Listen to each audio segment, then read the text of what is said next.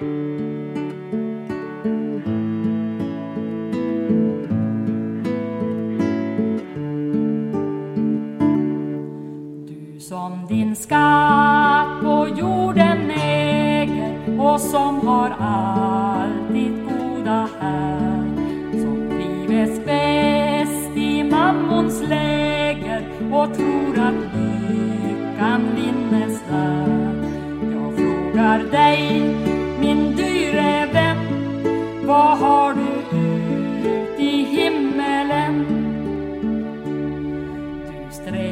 träget, handlat, sparat och nu med tryggad framtid står mycket gott åt dig förvarat som räcka skall i många år.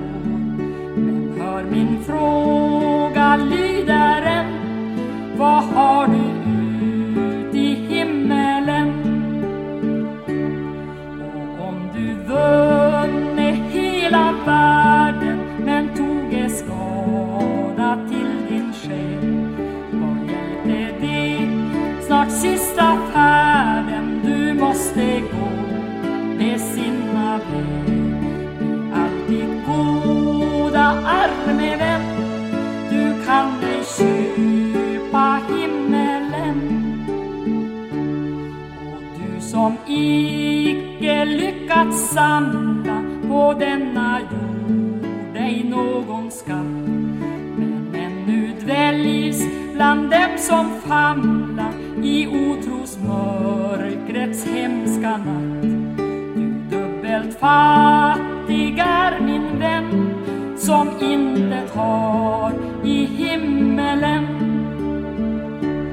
men frågar du hur skall jag bliva för himlen rik? Så hör och lär Du måste Jesus hjärtat giva och tro på honom som du är? Sen kan du sjunga glatt min vän min skatt jag har.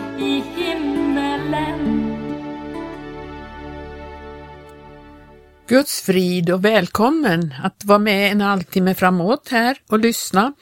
Jag heter Gertrud Johansson och den här morgonen så skulle jag vilja fortsätta eh, att läsa ur en bok, som, eller ett litet häfte som jag läste ur förra onsdagen. Det handlar om eh, ett häfte som heter En öppen himmel och är skriven av en författare som heter Henry Axelsson. Den är utgiven på 50-talet och är en eh, eh, ganska gammal skrift. Men jag tycker den är väldigt värdefull och jag har eh, upplevt välsignelse av att läsa den och därför så vill jag fortsätta med den här.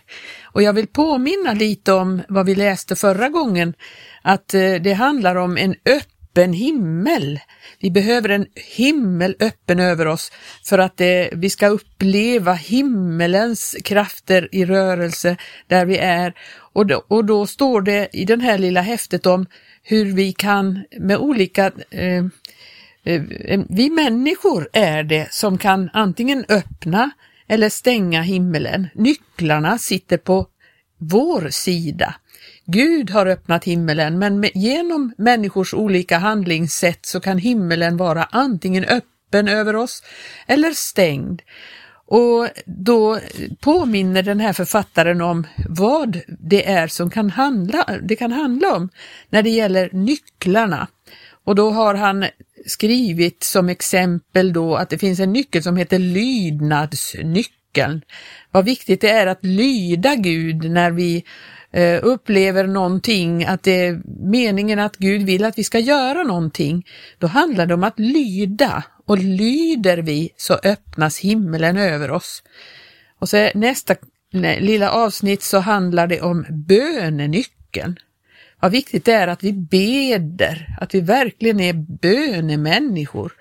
Eh, det kan på, på många olika sätt så kan det öppna för eh, bönesvar om, om vi verkligen är bedjande. Det är så viktigt att detta får ske. Och eh, så finns det ytterligare en nyckel som kallas för trohetsnyckeln. Det är fruktansvärt viktigt att vi är trogna i det som Gud har satt oss in i och att vi förblir där antingen vi, vi, vi ser eller inte ser eh, någonting. Det kan vi, vi kan ju uppleva olika känslor, olika eh, perioder i vårt liv, men vara trogna det vi vet att vi ska hålla oss till och göra, att vi är trogna det, det öppnar himmelen för oss. Och nu har vi kommit fram till ett stycke som han, den här författaren kallar för tionde nyckeln. Och i det kapitlet så står det så här. För full tionde till förrådshuset så att i mitt hus finns mat och pröva så hurdan jag sedan bliver, säger Herren Sebaot. Förvisso skall jag då öppna himmelens fönster över er och utgjuta över er riklig välsignelse. Står det i Malaki 3 och 10. De bibelställen vi har läst förut handlar alla om en öppen himmel. Den här citerade versen är något olik dessa, ty den talar om ett öppet himlafönster. Vi har sett att då det står om en öppen himmel så gäller det i synnerhet andliga välsignelser, men då det här talas om ett öppet fönster på himmelen så gäller det på ett särskilt sätt timliga välsignelser. Gud är så god att han vill låta oss få leva under en öppen himmel även i vår vardagsgärning. Pris ske hans namn. Det blir frisk luft då fönstret är öppet och då himmelens fönster är öppet blir det inte blott frisk luft utan det blir himmelsk atmosfär över vardagslivets gråa allehanda. I himmelen är till och med fönstret låst. Det måste öppnas för att man ska få del av de välsignelser vi nyss nämnde och det är med denna nyckel som med den vi förut har betraktat i denna skrift. Den sitter på himmelens yttersida, på vår sida. Vi får öppna himmelen över arbetsplatsen, kontoret, fabriken, köket, affären om vi vill. Men vi får också ha fönstret stängt om vi så vill. Vad är det då för nyckel som öppnar detta fönster? Jo, det är tionde nyckeln. Ofta då jag talar om tiondegivandet så tycker jag mig höra vissa uttalanden. Broder Axelsson, det har ju varit så evangeliskt och bra det du har sagt förut. Förstör nu inte allt sammans genom att börja predika lag. Men det har jag inte alls tänkt att göra och det är ju ingen lag det är frågan om här. Då det är lag så står det alltid du skall. Men här står det pröva mig. Du får om du vill. Det är väl nåd att få ha himmelens fönster öppet över sig och sitt arbete. Ja, men säger någon, tiondegivandet hör blott lagen till. Nej, visst inte. Abraham gav tionde och att han gjorde det är omnämnt flera hundra år innan lagen gavs ut på Sinai berg. Och du vill väl vara med bland Abrahams barn och vandra i spåren av den tro som vår fader Abraham hade och så få uppleva Abrahams välsignelser.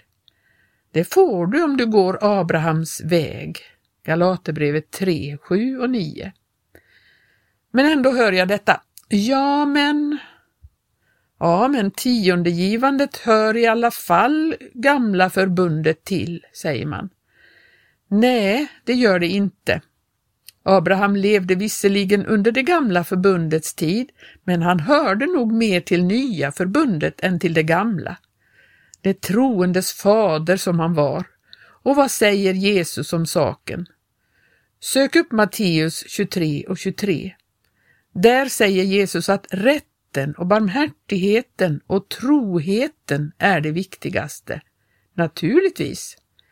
Men då det gäller tiondegivandet så säger han icke underlåta det. Jesus vände sig först till judarna. Han kom till sitt eget. Men då de inte tog emot honom och Gud så inte kunde använda dem för att rädda världen vände han sitt ansikte mot Jerusalem, mot försoningsdöden på korset. Han vände sitt ansikte orubbligt och beslutsamt mot Jerusalem. He steadfastly set his face to go to Jerusalem. Engelsk översättning Lukas 9 och 51. Jämför Jesaja 50 och 7. Jag gjorde min panna hård som sten. I engelskan står det flinta. Orden i Matteus 23 och 23 är uttalade efter denna händelse. Det gäller således på ett särskilt sätt oss. Och i lagen var det ingen särskild befallning att man skulle ge tionde av kryddväxter, men här ger Jesus faktiskt även denna noggrannhet sin sanktion. Men lag är det inte i nådens tid, och det var det ej före lagens tid, det är det ej heller efter denna. Det är nåd. Det är nåd att man kan få ha ett öppet himlafönster över sin gärning. Jag tror ej att någon enda går förlorad därför att han inte ger tionde, men jag är också övertygad om att han går miste om många välsignelser vilka endast den kan få uppleva som använder denna nyckel och öppnar detta fönster över sitt liv. Pröva mig, säger Herren. Ja, det är lätt att pröva om nyckeln passar i nya förbundet tid eller ej. Många har gjort det och de kan alla vittna att den passar perfekt. I Kina har vi ända från början arbetat på att få den inhemska församlingen självstyrande och självunderhållande.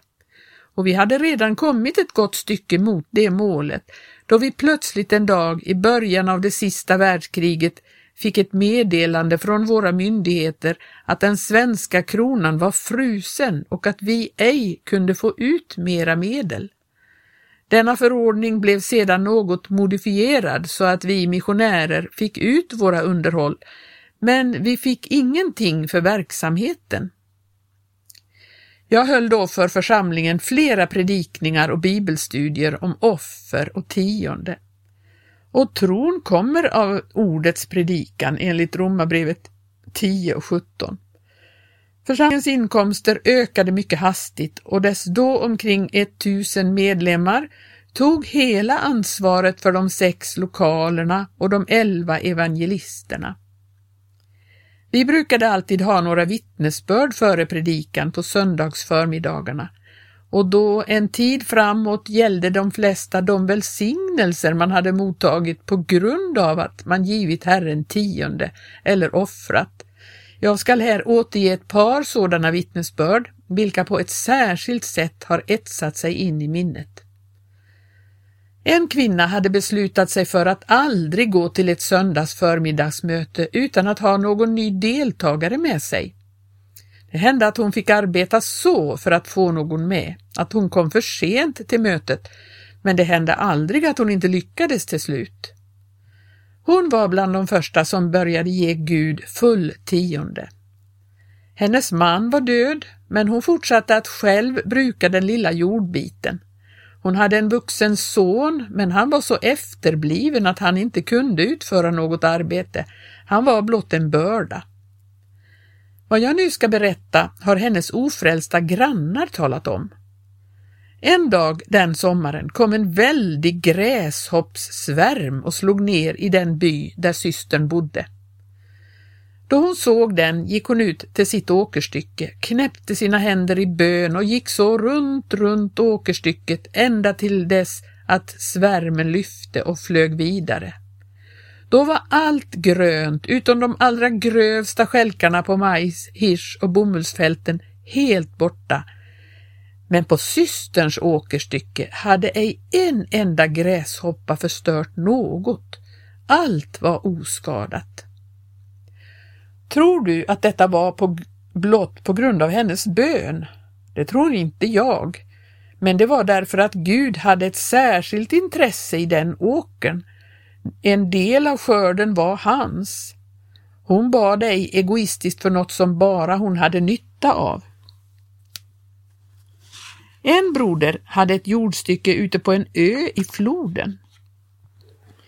På vintrarna arbetade han i gruvorna eller i skogarna uppe i Manchuriet, men på somrarna brukade han sin lilla jordbit. Denne broder begynte också ge tionde. Den sommaren steg vattnet väldigt i floden. På flera håll var det mindre översvämningar under regntiden. En dag såg det ut som om den nämnda lilla ön skulle översvämmas, ja kanske helt enkelt sopas bort. En stor skara människor stod där på stranden och väntade på att få se händelsen. Men just då hände något underligt. Ett stycke ovanför ön är det en krök på floden. Jorden på den udde som därigenom bildats tillhör en rik hedning. Plötsligt fick människoskaran se hur vattenmassorna bröt av ett väldigt stycke av udden och sköt den framför sig så att den till slut la sig som en kraftig skyddsmur framför broderns ö. Skörden var räddad. Jag fick alldeles samma känsla då jag hörde detta berättas som då jag hörde om det förutnämnda fallet. Det var ej blott broderns knäppta händer där på stranden som var orsak till undret, utan det var en nyckel, tiondegivandet, som öppnade himmelen över broderns ägodelar. I Haggai bok använder Gud samma sätt som jag nu gör. Han använder bilder och exempel ur det praktiska livet då han vill lära Israel att offra. Han talar om en lantman som kunde få 20 mått säd på ett åkerstycke. Då han givit Gud det som var hans hade 18 mått själv.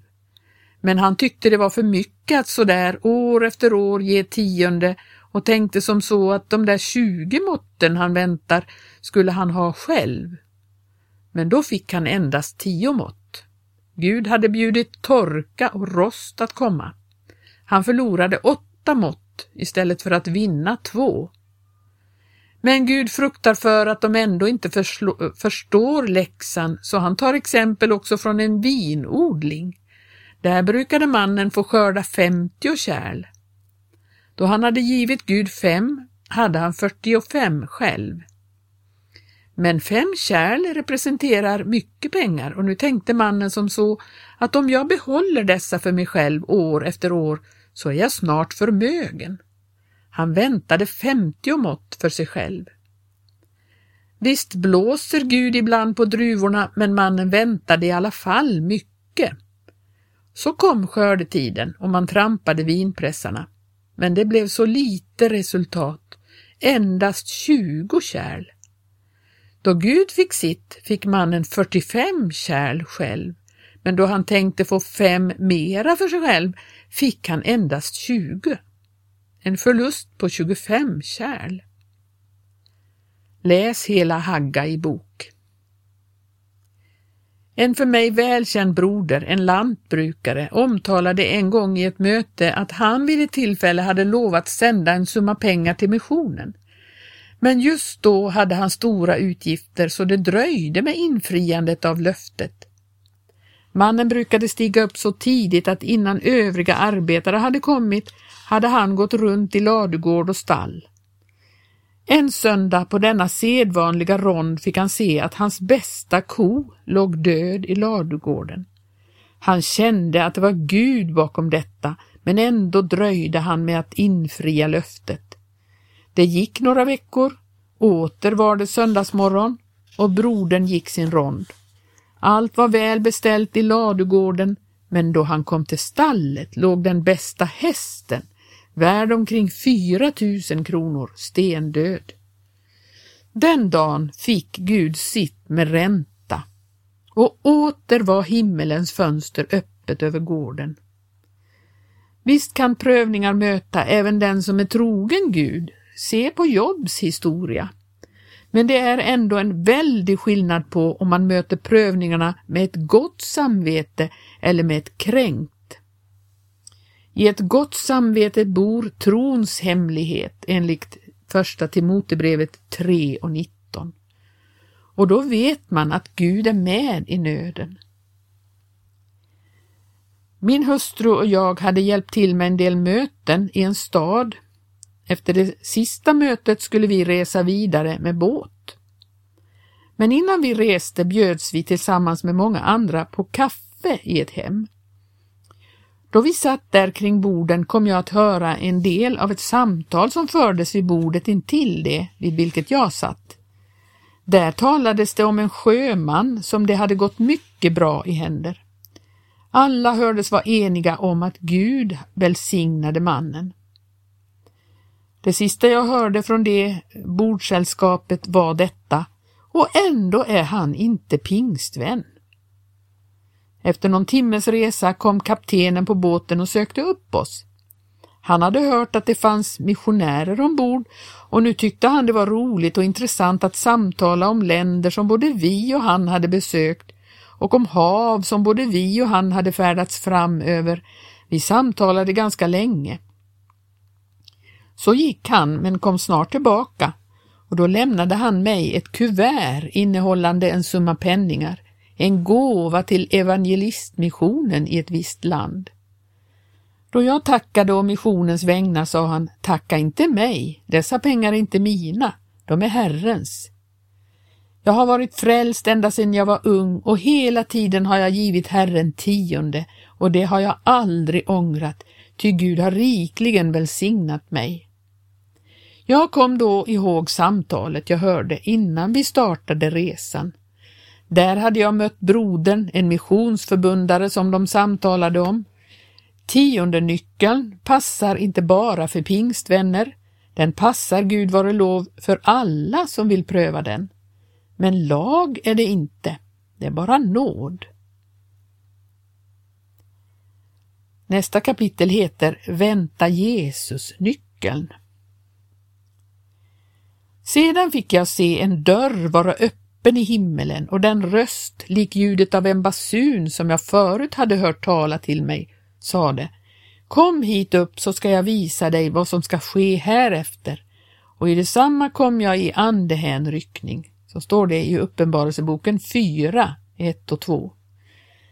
Då det i de tre först citerade bibelställena talades om att himmelen var öppen innebar det först och främst andliga välsignelser.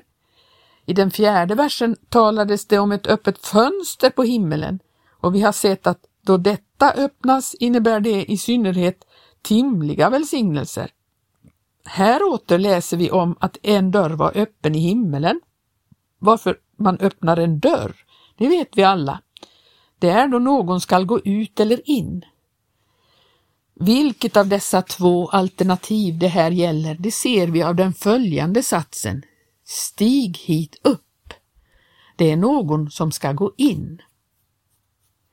Johannes kom i anden och han fick inte blott höra om vad som ska ske utan han fick också se vad som skulle hända i kommande tid. Ja, han är faktiskt förd fram i tiden till dessa händelsers fullbordan så att han får vara med om det som alltsammans.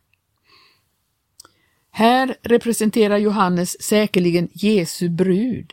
Han får höra den basunröst som en gång ska ljuda och kalla brudeskaran till det eviga hemmet, himmelen. Det ska bli ett underbart ögonblick då vi får se en dörr vara öppen i himmelen och det är ingen vanlig enkel dörr, det är en pärleport. Det finns tolv portar till himmelen, Uppenbarelseboken 21, 12 och 21 och jag undrar ibland genom vilken port jag ska få gå in. En kinesisk kvinna sa en gång att då hon kom hem till Gud så skulle hon fråga honom genom vilken port svenskarna skulle komma. Och då hon fick veta det så skulle hon be Gud att hon skulle få ställa sig vid den då Jesus hämtade hem sin brud. Då svenskarna kom skulle hon trycka deras händer och tacka dem för att de sände missionärer och evangelium till Kina.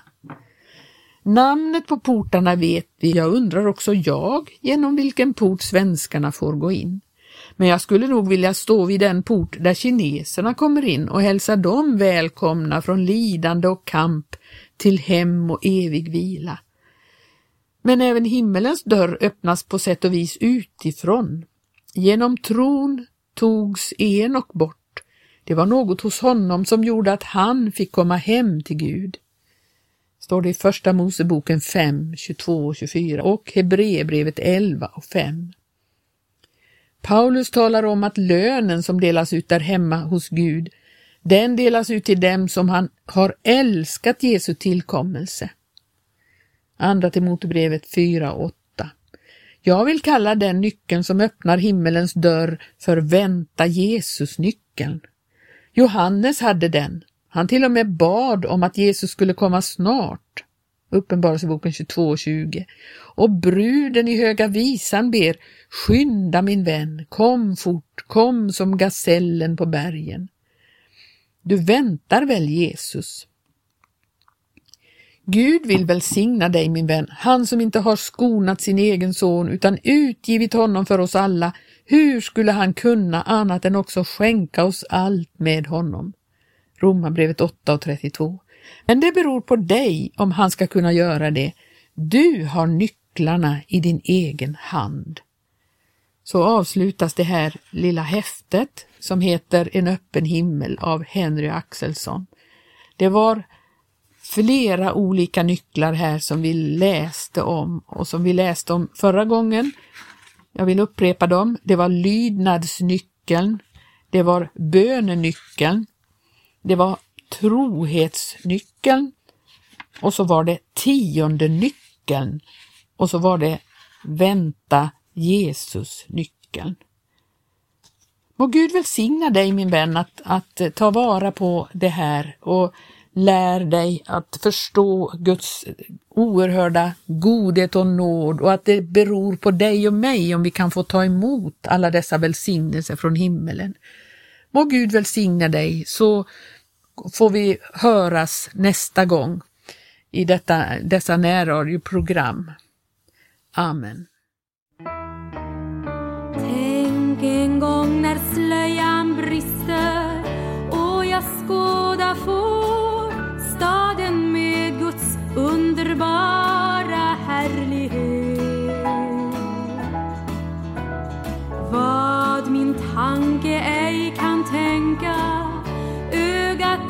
Har sett skall jag skåda i Guds underbara stad.